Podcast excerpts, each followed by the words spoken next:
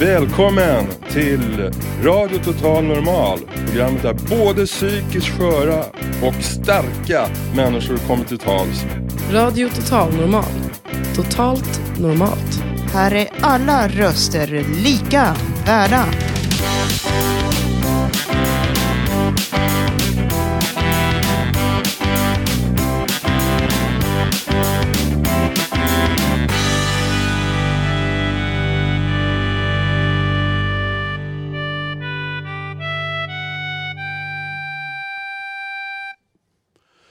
Zdravutje, dobro pozalovatni programi Radio Total Normal. En hälsning på ryska, eh, dagen till ära nu när OS drar igång där ute i detta stora land, icke helt eh, utan kontroverser som alla känner till. Mycket välkomna till dagens program. Då. Vi sänder från Götgatsbacken 38 som vi oftast gör, även om vi är ute på lite utflykter ibland. Men idag är det alltså på Fountain House eh, lokaler i matsalen och eh, köket. Och eh, ja, en liten skara kommit hit. Får vi höra lite ljudmässigt från er också?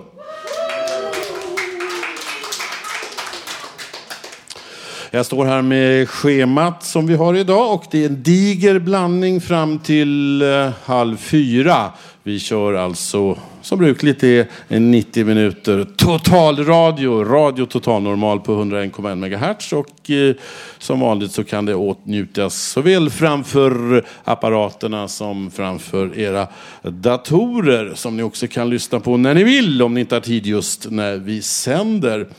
Ja, mer folk eh, kommer att strömma till och eh, vi har eh, massor massor såväl dikter, intervjuer och musik och en hel del smått och gott. Jag hörde på tunnelbanan idag några tanter som beklagas över vädret. Ja, nu ingen snö när det ska bli sportlov och allting.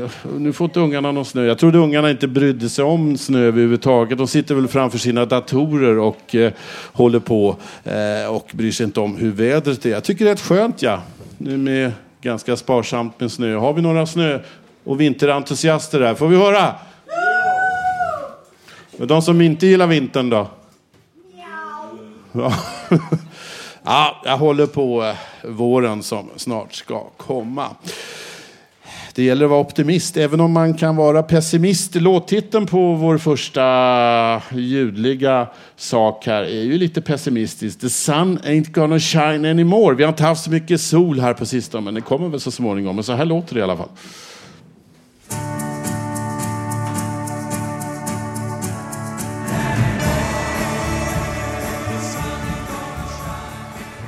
The Walker Brothers i Radio Total Normal. The sun ain't gonna shine anymore. Walker, det tänkte jag på Johnny Walker. Det var visst någon politiker som har snattat whisky här som har råkat illa ut. Eh, det var på nyheterna igår, men det som händer just nu i detta program det är att Marco ska intervjua och eh, ja, du får väl berätta lite mer vad det ska handla om Marco. Ja, jag ska intervjua Paula Tilli en ung dam som jag lärt känna från ett forum för Aspergerforum lite grann. Och det här blir min nästan första intervju någonsin. Du har skrivit en bok och du föreläser också om Aspergers syndrom. Berätta om boken på ett annat sätt.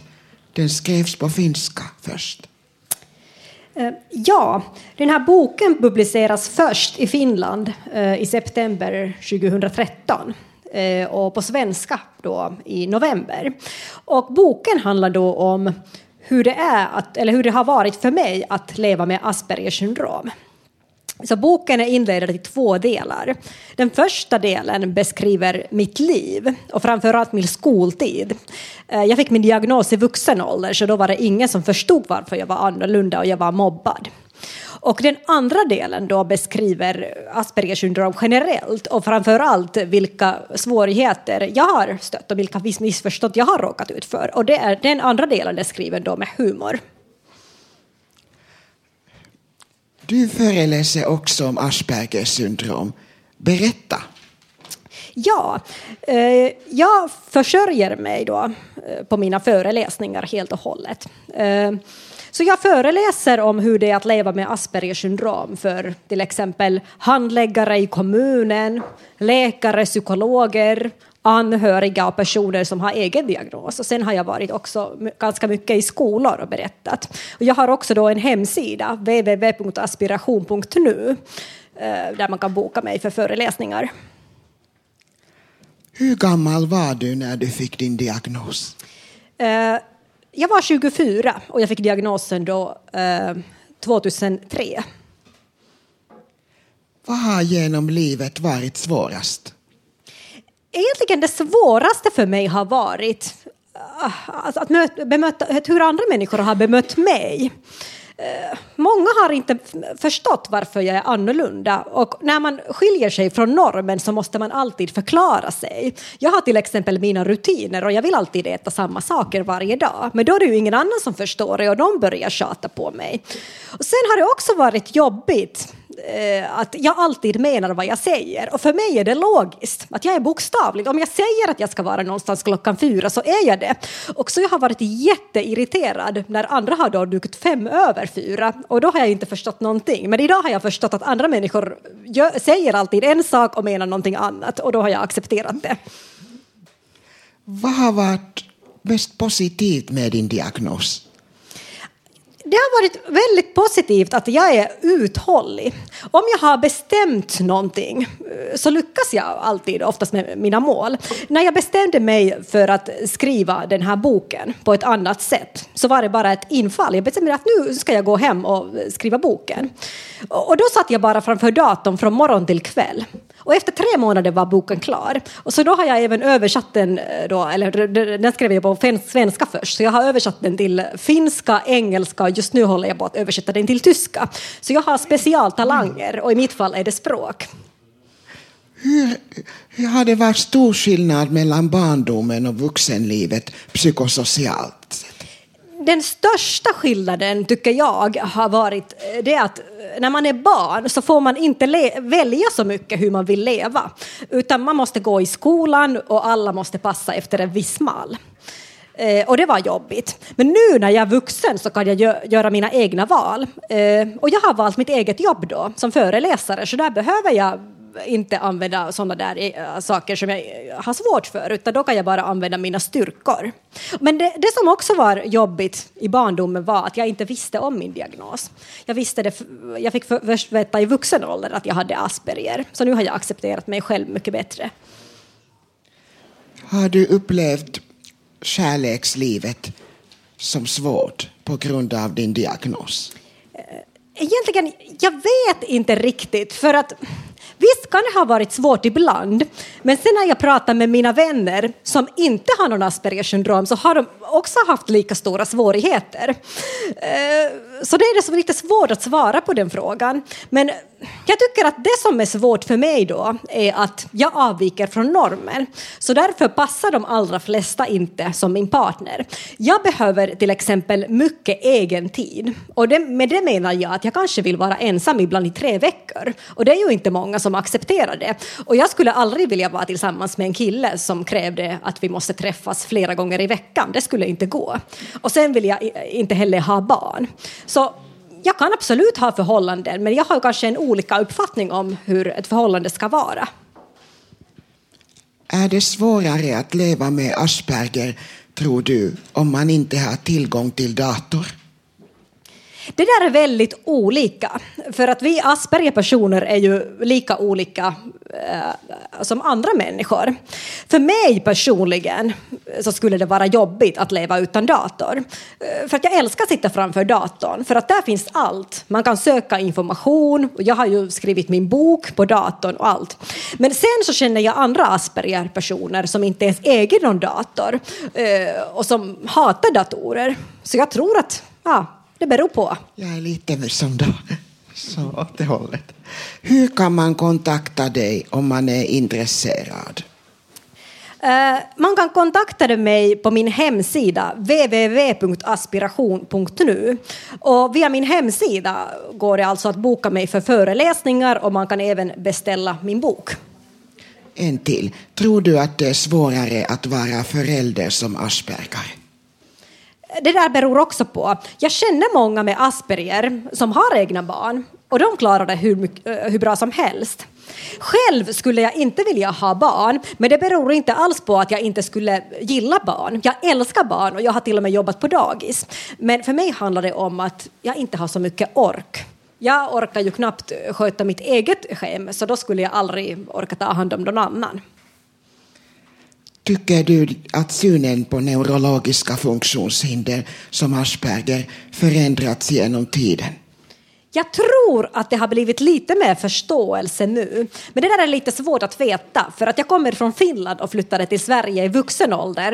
Eh, så i Finland vet man inte alls lika mycket som här och i Sverige finns det ju också mycket som alltså många människor som inte vet. Men ja, det, jag tror, jag hoppas i alla fall att det har förändrats lite. Tack så väldigt mycket. Det var väldigt roligt att intervjua dig, Paula. Tack så mycket. Hoppas vi hörs åter.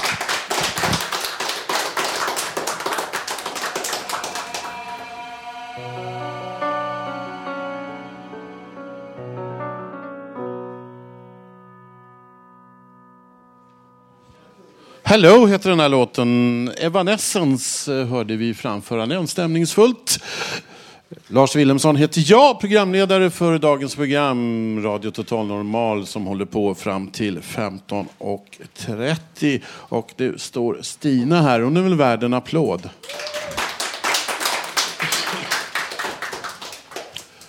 Varsågod.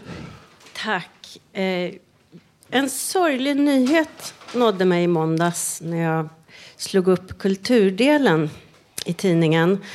Eh, en skådis som heter Philip Seymour Hoffman hade hittats död i sin lägenhet på Manhattan. Endast 46 år gammal. Eh, och eh, man, man såg att det var en överdos. Då, då.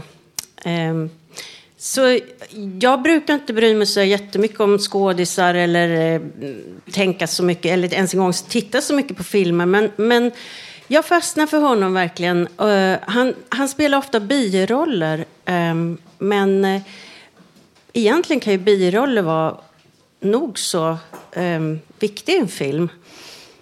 Uh, jag upptäckte honom i en film som heter Magnolia som kom 1999.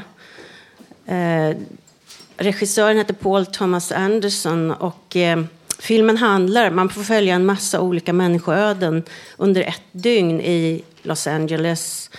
Och de här människoödena de vävs samman på, på olika sätt.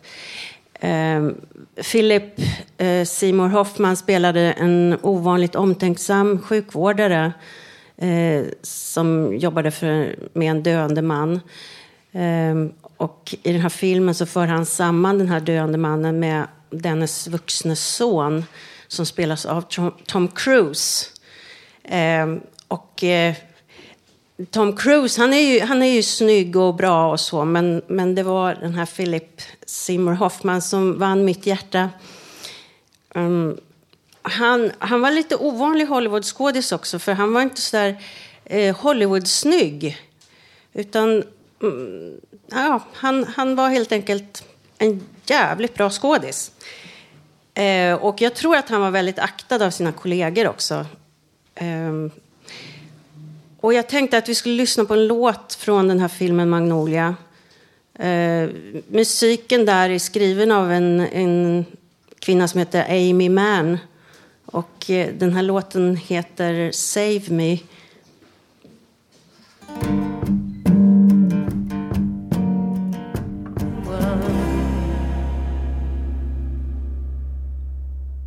Amy Mann hörde vi där med Save Me, låt från filmen Magnolia som kom, var det 1999 Stina?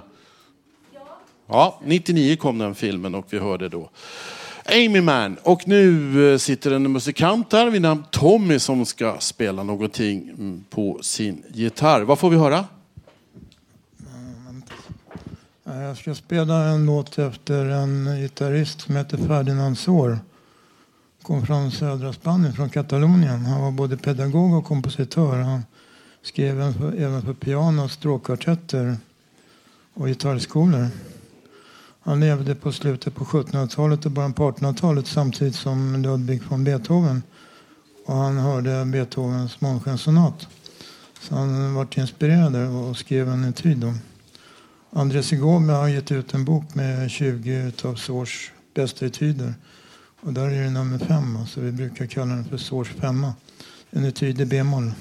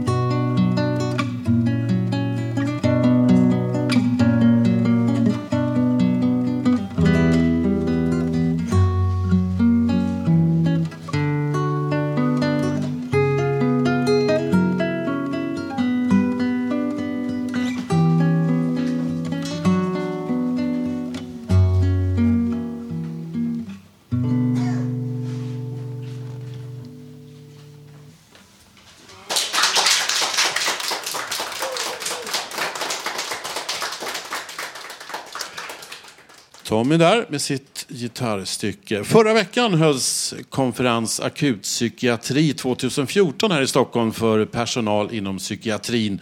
Reporter på plats var Anki Mattis. Hej, jag är från Radio Total Normal som eh, närradiosänds över Stockholmsregionen på 101,1. Och du har ju varit med här på Akutpsykiatri 2014-konferensen. Eh, vem är du och vad tyckte du? Eh, jo, jag heter Skole, jag är eh, sjuksköterska och jobbar i Malmö inom eh, Malmöpsykiatrin och jag tycker det har varit väldigt fantastiskt och väldigt givande eh, för det kommer så många olika fantastiska föreläsare och eh, eh kontaktytorna och möjligheterna att eh, lite grann gå utanför sina egna liksom vanliga eh, cirklar och se liksom större del av helheten och träffa liksom fantastiska moderatorer. Hej! Ni har föreläst idag. Berätta lite vad, vad ni pratade om. Jag föreläste om eh, alltså, Eh, jag föreläste om den psykiatriska akutbilen eller ambulansen. Nu får det inte heta ambulans, men akutbil som vi planerar och har fått pengar för och hoppas kunna starta efter semestrarna i år. Ja, för idag så är det ju om någon mår psykiskt dåligt eh, i Stockholm här så eh, då är det ju oftast polisen som kommer först och ser att man kan komma in och hjälpa personen och sen kanske man tillkallar ambulans ifall det är suicidfall eller så. Men ni har en annan, ett annat koncept. Ni är alltså psykvårdspersonal som direkt kommer med eh, en psykbil när det är riktigt bråttom. Precis när det är riktigt bråttom. Det är rena akut och blåljuskörningar som kommer att hantera. Men i teamet, kommer det vara med någon psykolog då? Nej, ingen psykolog i teamet. Möjligen vid vissa tillfällen läkare har vi tänkt, men ingen psykolog. Utan det är två specialistsjuksköterskor som kommer att åka ut. Jag tycker ni ska ta med en psykolog också. Tack så hemskt mycket. Jag är alltså på eh, konferensen Akutpsykiatri 2014 och framför mig har jag en mycket intressant person som precis har föreläst som heter Ulla-Karin Nyberg. Berätta, vem är du? Ja, jag är psykiater och jobbar inom norra Stockholms psykiatri. Och så forskar jag också om, om självmord och självmordsprevention på Karolinska institutet. Och du har skrivit en bok. Vad heter den? Ja, den har den ödmjuka titeln Konsten att rädda liv och den handlar om hur vi kan förebygga självmord. Du, ehm, du intresserar dig bland annat för den existentiella hälsan och du pratade om hur du uppmuntrar personalen att prata existentiella frågor och du pratade om ett middagssamtalsämne som du ibland ger förslag på när du är på, bjuden på middag. Berätta! Ja, jag är en lite besvärlig middagsgäst ibland men, men jag, jag ställer frågan vad är det som gör livet värt att leva? Och ibland personligt också, vad är det som gör att du väljer att leva? Vad är det som är viktigt i ditt liv? Och det här har jag med mig från att jag har jobbat så väldigt länge med, med cancer och andra svåra sjukdomstillstånd. För jag är cancerläkare i botten och jobbar på bröstcancermottagning som psykiaterkonsult en gång i veckan. Så att de här tankarna på liv och död är ständigt närvarande. Ja, och jag kan också tänka mig att personalen behöver fundera över de här frågorna just i förhållande till att man har hand om människor som mår kanske väldigt dåligt och vill ta sitt liv och, så, och vända på det och faktiskt se det positiva i livet. Ja. Eh, vad tycker du om den här konferensen så här långt?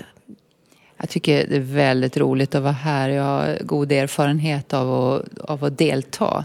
Eh, och jag tycker det var en fantastisk grupp att möta. För det märks verkligen att det finns ett stort engagemang och stor nyfikenhet. Och stor vilja att förbättra och förändra. Det är inte alltid så enkelt att ifrågasätta sig själv och sina arbetssätt. Men jag fick en känsla av att det är stor öppenhet här. Och det bidrar ju det här perspektivet att man har, man har brukar eller patientperspektiv med som någonting självklart. Det, det tycker jag är så viktigt. Ja, nu står jag här och ska intervjua en av föreläsarna eh, för akutpsykiatri 2014-konferensen eh, som har föreläst här på torsdag eftermiddag. Eh, vad heter du och vad har du föreläst om? Jag heter Daniel Frydman. Jag har föreläst om eh, poäng, vikten av ett gott samtalsklimat och betydelsen av ett gott möte när man träffar någon som mår psykiskt dåligt. Någonting mer som du skulle vilja säga till lyssnarna? Ja... Man kan nog tänka sig att om du som lyssnar är en person som mår psykiskt dåligt så skulle jag vilja att du vet att nästan alla som jobbar inom människovårdande yrken, nästan alla som jobbar inom psykiatrin har en ambition att hjälpa till och att det bästa som kan hända det händer när du och den du pratar med har någon sorts god kontakt och att det inte alltid är så att, att det känns så. Fast det kanske finns en tydlig vilja hos den som är behandlaren att hjälpa till. Att lita på att det går att tro på att saker kan bli bättre ändå.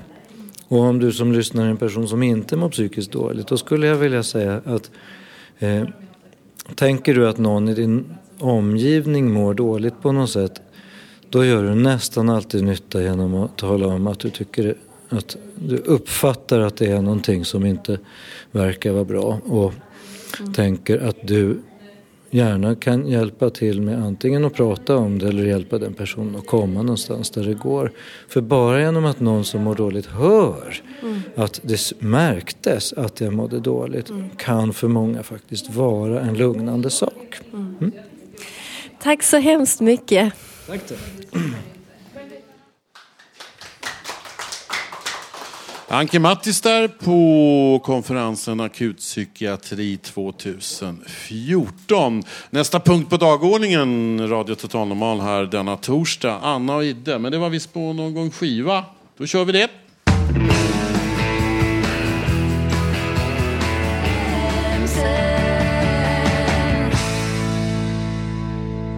Inga gränser hörde vi där med Anna och Idde.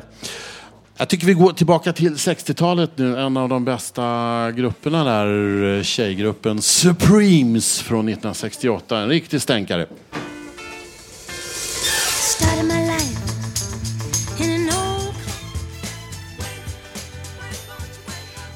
Love Child heter låten Supremes, eller snarare Diana Ross and the Supremes som de hade döpt om sig då eh, året 1968. Det var mer Diana Ross än hennes eh, medhjälpare då, Mary Wilson och Cindy Birdsong. Men de bidrog ju också till det här speciella soundet.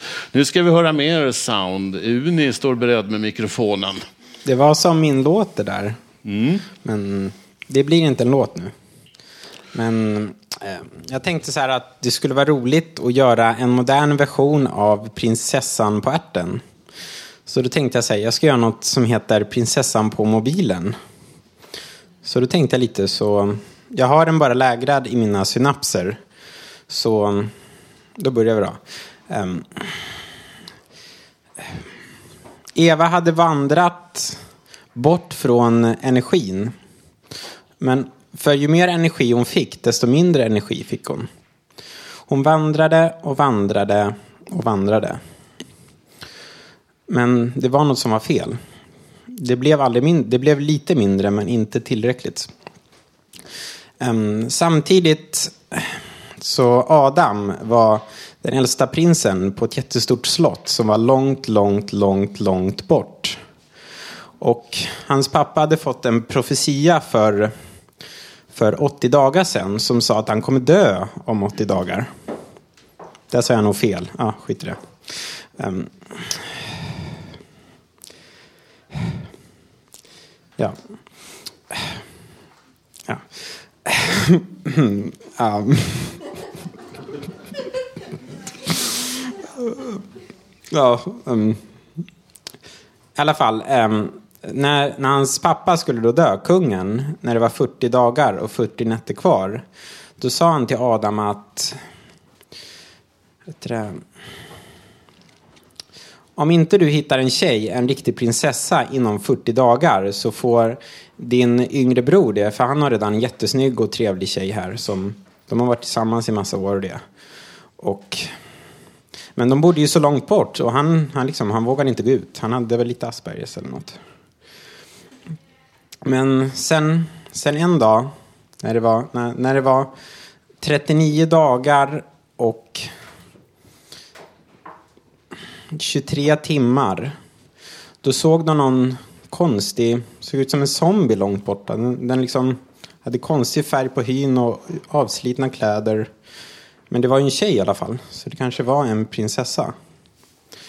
Och, men de lät henne komma in, men hon skakade så mycket. Så då fick hon lägga sig där på hans säng, för det var det enda hon tyckte om. Och så skakade hon och skakade hon och skakade hon. Och hon skakade bara mer och mer, så de trodde att hon frös eller något. Så men saken var den att hon hade en mobil i fickan, men hon var liksom elallergiker. Så den låg, den låg, där, den låg där längst ner. Den låg där längst ner på madrassen. Så hon fick en till madrass i alla fall, liksom, som skulle må bättre. De tog alla madrasser ur hela slottet. Hon fick alla tecken också, alla kuddar, allting.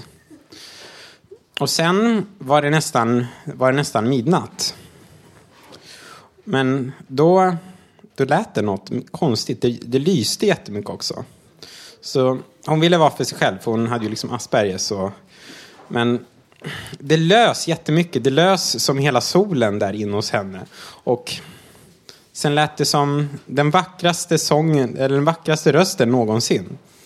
Men saken var den att hon var döv, stum och blind, så det kunde inte varit hon. Um.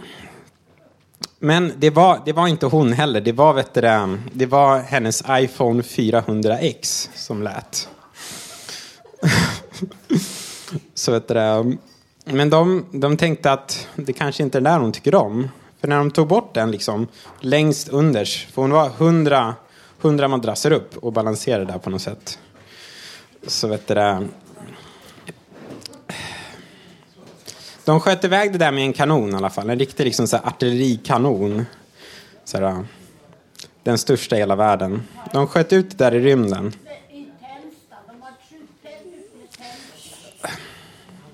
Det var nog i Tensta, ja. ja.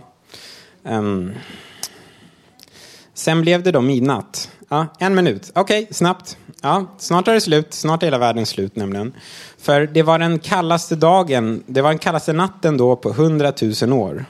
Och det var bara Eva och Adam som var där bland alla de där tecknen.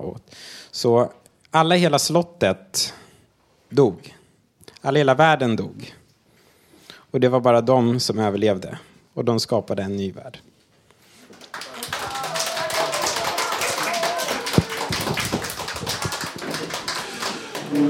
Då sitter Håkan beredd då och ska framföra är det en egen låt. Håkan eh, J för att särskilja Håkan från Håkan. Välkomna att eh, köra.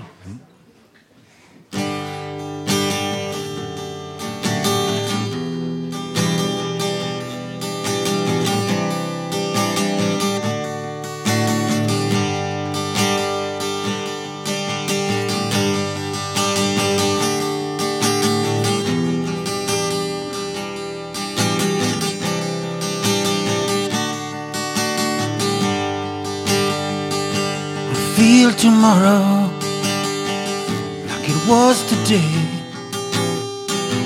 I live my life, I find a way, and all my feelings, wash them away. But comes depression, turns me astray. All I have to do is close my eyes.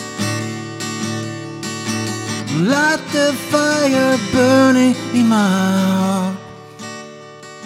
And all the reasons turns to say, with all your doubt, life finds a way. Yeah, all the reasons turns to say with all your doubt life finds a way. Life finds a way.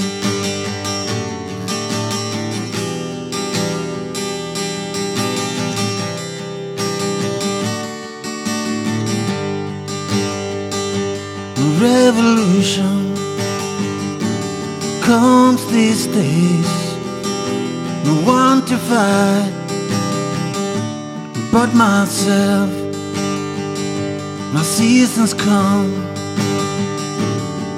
then they go. I hope that I won't turn to stone. And all I have to do is close my eyes Light the burning fire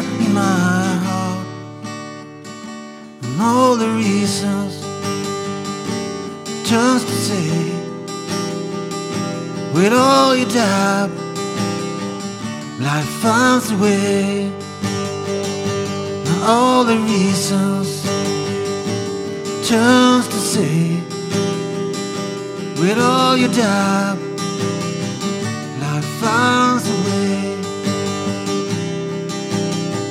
Life finds a way. And all I have to do is close my Light the fire burning in my heart. And all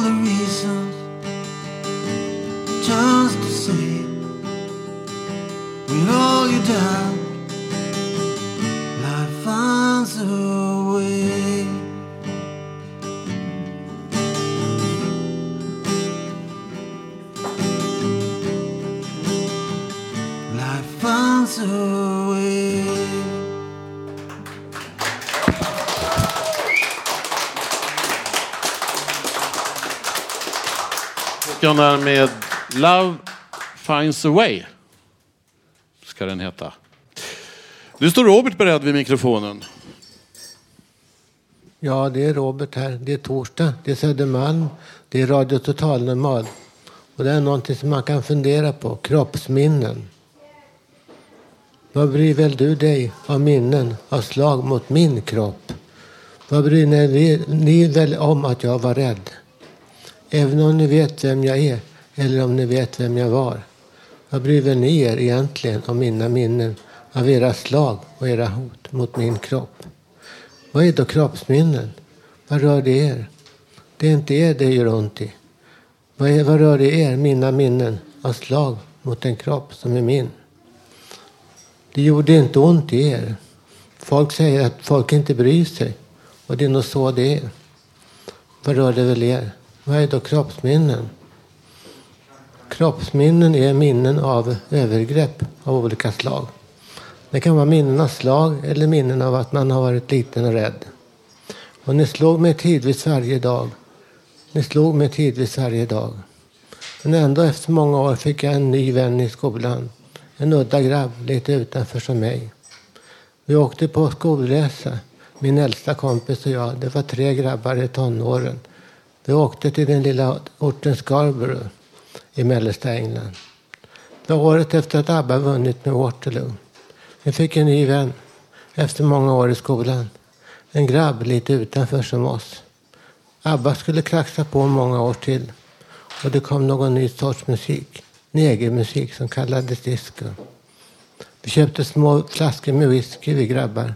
Och vi kände oss mycket vuxna. Och mycket modiga när vi kom ut med flaskorna. Vi rökte och gick på klubb. Och även om jag var annorlunda. Scarborough var nytt. Allt var nytt. Det var en ny värld. 20-30 år efter kriget.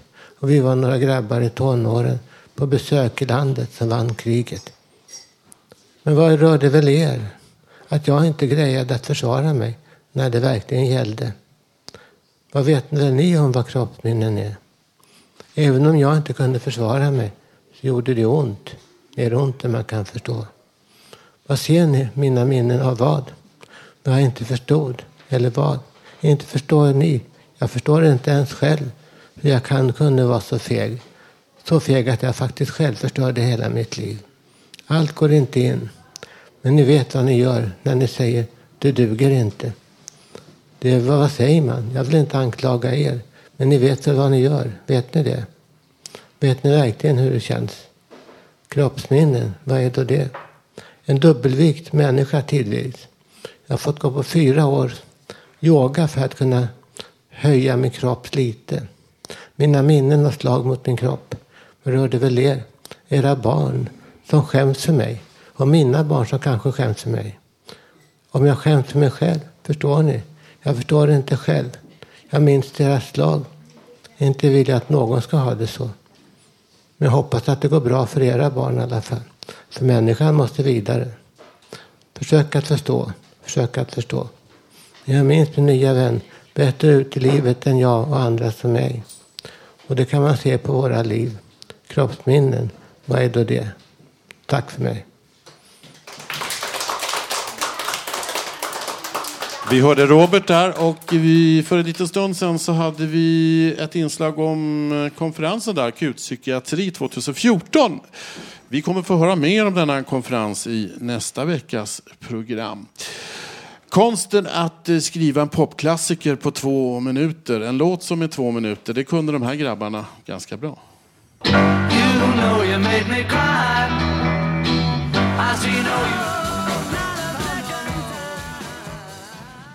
Vi hörde Beatles där med Not the second time, en ganska okänd låt för gemene man.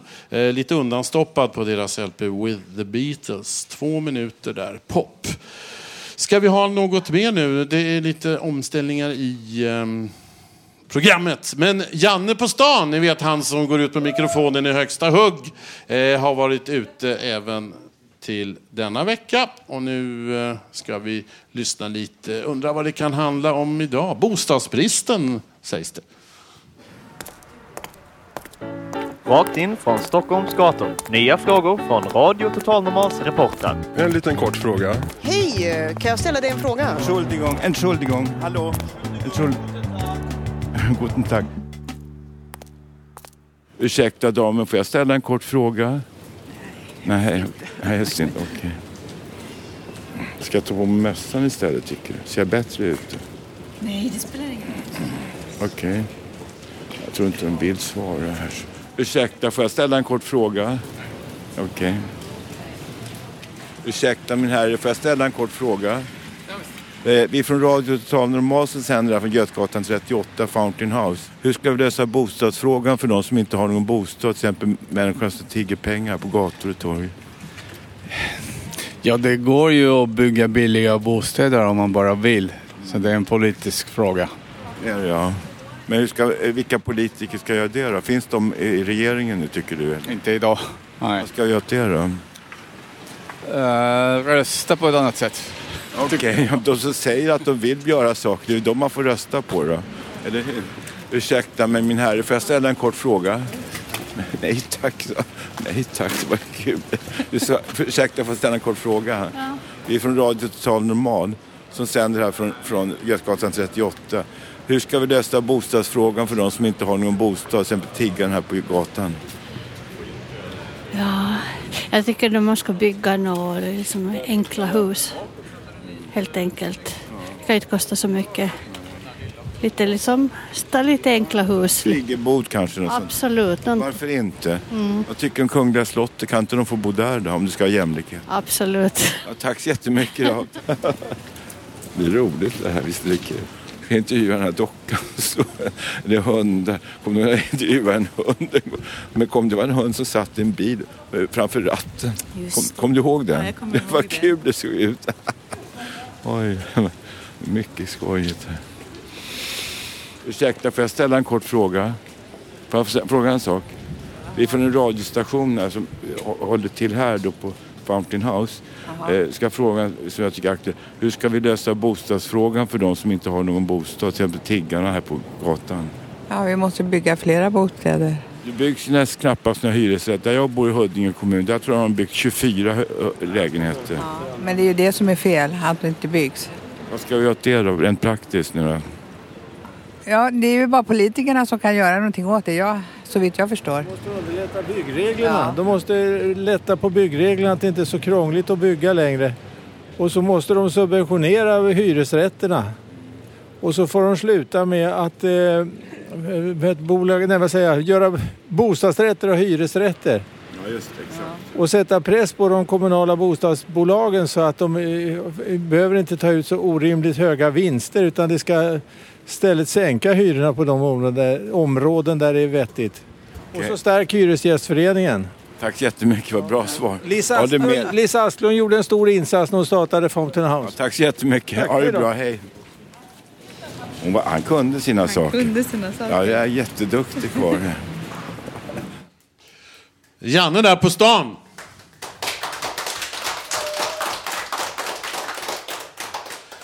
Då går vi till nästa. Håkan Eriksson. Var, varsågod. Ja, det här blev ju lite oplanerat som jag inte var beredd på att det skulle vara. För jag skulle också ta hand om ett, i ett in, ingenmansland.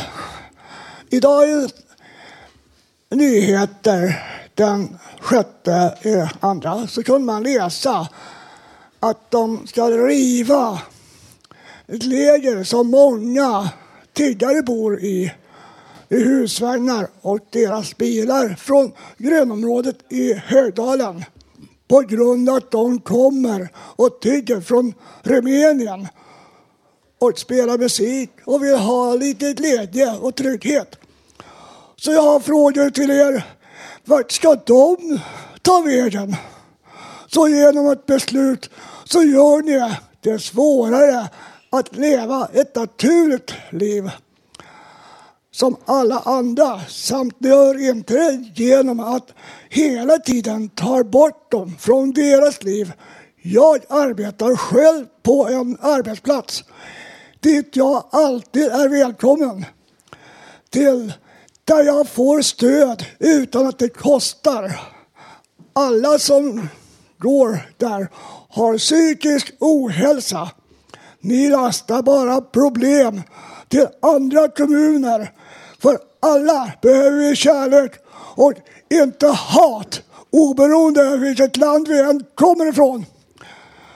Vi kan alla hjälpas åt. Möt dem som ni själva skulle vilja och inte bara gå förbi som man bara, bara tittar och slänger ett glåpord. Då får vi bort fördomarna. Då minskar vi på fördomarna vi har om dem. Tack för mig!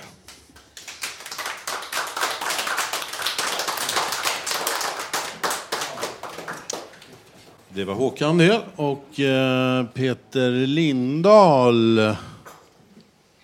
ställer sig bakom mikrofonen. Vad blir det idag då Peter? Utan Ja. gitarr? Ja, jag kom hit med en massa eh, konst istället. Eh, för att... Eh, ska du presentera? Mm, på lördag Eh, så har Radio Total Normal vernissage för en ljud och konstutställning. Ditt psyke i etern kallar vi den och den kommer att eh, äga rum på Dynamo. Demokratipiloterna hette Fenix förut och adressen är Södermannagatan 38, inte långt från eh, Ringvägen där. Södermannagatan 38. Vernissaget börjar klockan 13, håller på fram till 16. Det bjuds på snacks och bubbel och i kaféet eh, så bakas det radiokaka till allas vår ära. Det kommer också vara en del happenings, så kom på lördag, Södermannagatan 38. Det öppnar klockan 13 och den här utställningen kommer att hålla på fram till den 26 februari. Och öppettider till Dynamo det kan du hitta på www.radiototalnormal.se eller www.demokratipiloterna.se. Utställare är Ungredaktionen, Gabriel, Uni, Anki, Lisa, Robert, Magnus, Peter och eh, Peters bror Niklas. Och nu står jag här med Peter. Ja, inte min bror Niklas, för han avled många år sedan. Så är det, ja. Men jag är i alla fall här. Ja. Och eh, ja, som sagt, vi kommer att bidra med ett par tavlor var till den här utställningen. Det ska bli spännande att se vad alla andra har gjort också. Och min brorsa och jag, vi gjorde ju en hel del musik också för. Och eh, han har ju deltagit i alla möjliga sammanhang. Men eh, jag tänkte att, vi kunde, att ni kunde få höra på en låt som eh, vi spelade in början av 80-talet, strax efter att John Lennon sköts ihjäl. Så den här är väldigt influerad av Beatles och Lennon. Och den heter um, Yesterday's Dreams faktiskt. Och eh, eh, det är jag som sjunger och Niklas spelar väl alla instrument, tror jag. Jag för mig i alla fall. Det är länge sedan. 82, 83 gjordes den. Så okej. Okay.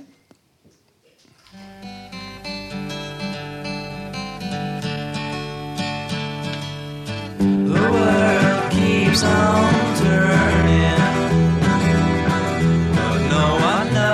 I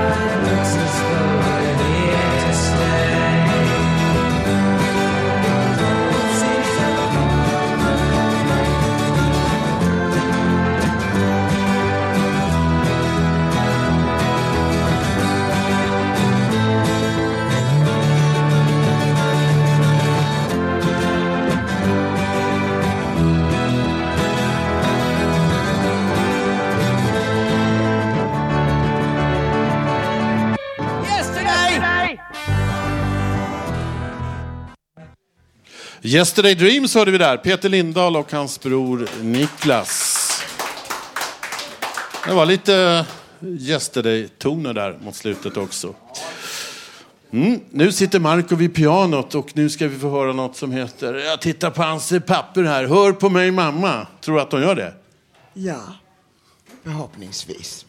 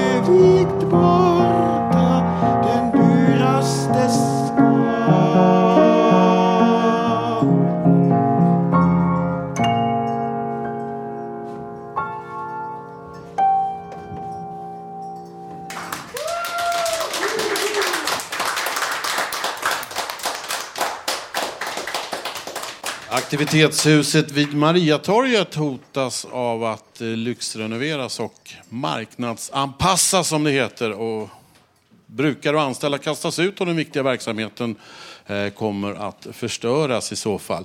Det befaras att brukares psykiska hälsa kommer att försämras och att de kan komma att fara mycket illa av det här. Stadsdelsnämnden har möte ikväll på Göta Ark vid Medborgarplatsen där frågan om aktivitetshuset kommer att tas upp. Så är ni intresserade och vill göra er röst hörd så kom till Medis och Göta Ark och protestera. Samling klockan 17.00 idag. Kom och gör din röst hörd. Eh, jo, imorgon så börjar ju eh, OS och eh, hur ska det gå för Sverige egentligen? Blir det några svenska guldmedaljer? Vad säger Zlatan Ibrahimovic? Du gamla, du fria, du fjällhöga nord kommer att höras. Eh, jag vill leva i Sverige och göra mål för Paris. Fast egentligen spelar det ingen roll vem som gör målen, bara det är jag som gör målen.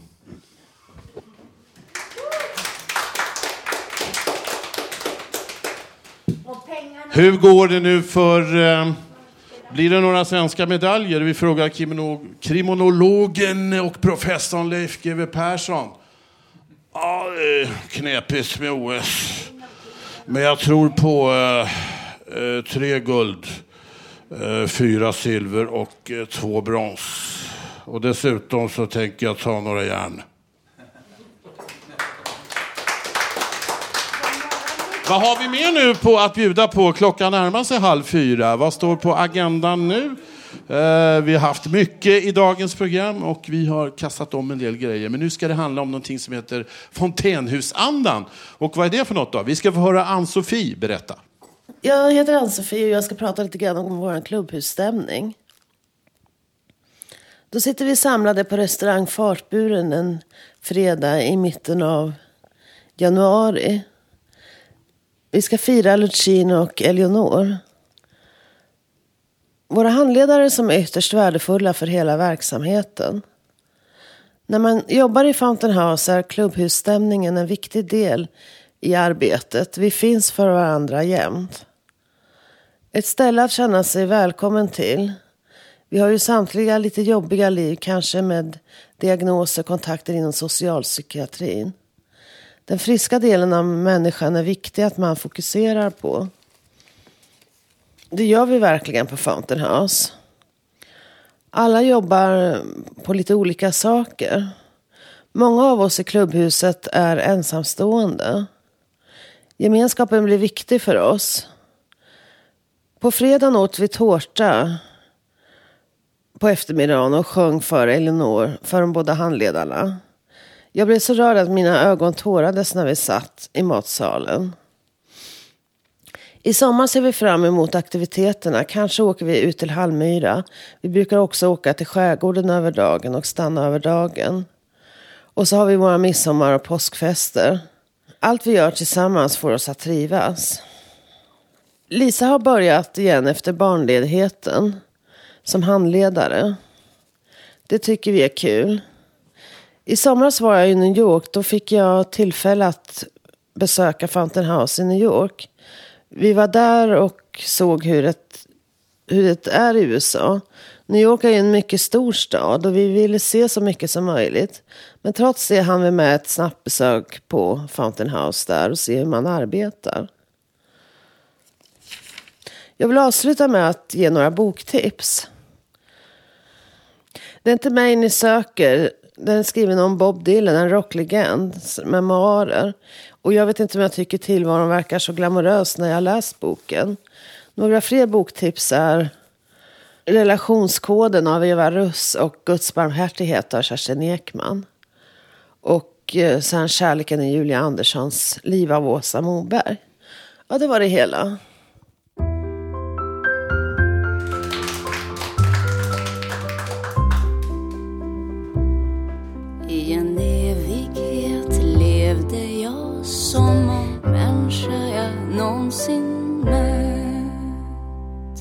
Kajsa Stina Åkerström där. Eh, av längtan till dig. Vi har lite drygt fem minuter på oss. Vi ska spela en avslutningslåt, men innan dess så ska Ulf få eh, framföra sitt alster. Varsågod. Året 2014, april, maj var år. Idag är fredag, jag går torsdag. Jag bor i Hammarbyhöjden. Jag är 60, kanske fyller år 28 februari. September var höst. Natten morgon, kväll. Måne lyser, stjärnor på ring. Stjärnor. Kanske morgonen är lördag. Förra året var 2013. Men januari. Juni, juli var sommar. flera gånger. Arbetar på Fattigland ska ta tid. Jag menar jag skrev lite dikter förra månaden var i december. Nu har vinter snöat flera gånger. Och det är fredag 24 januari. Ja, då blir det inte så mycket mer då. Halv fyra snart. Eh, dagens producent och som alltid vår producent Emma Lundenmark. Sen har vi vår ansvariga utgivare Bodil Lundmark.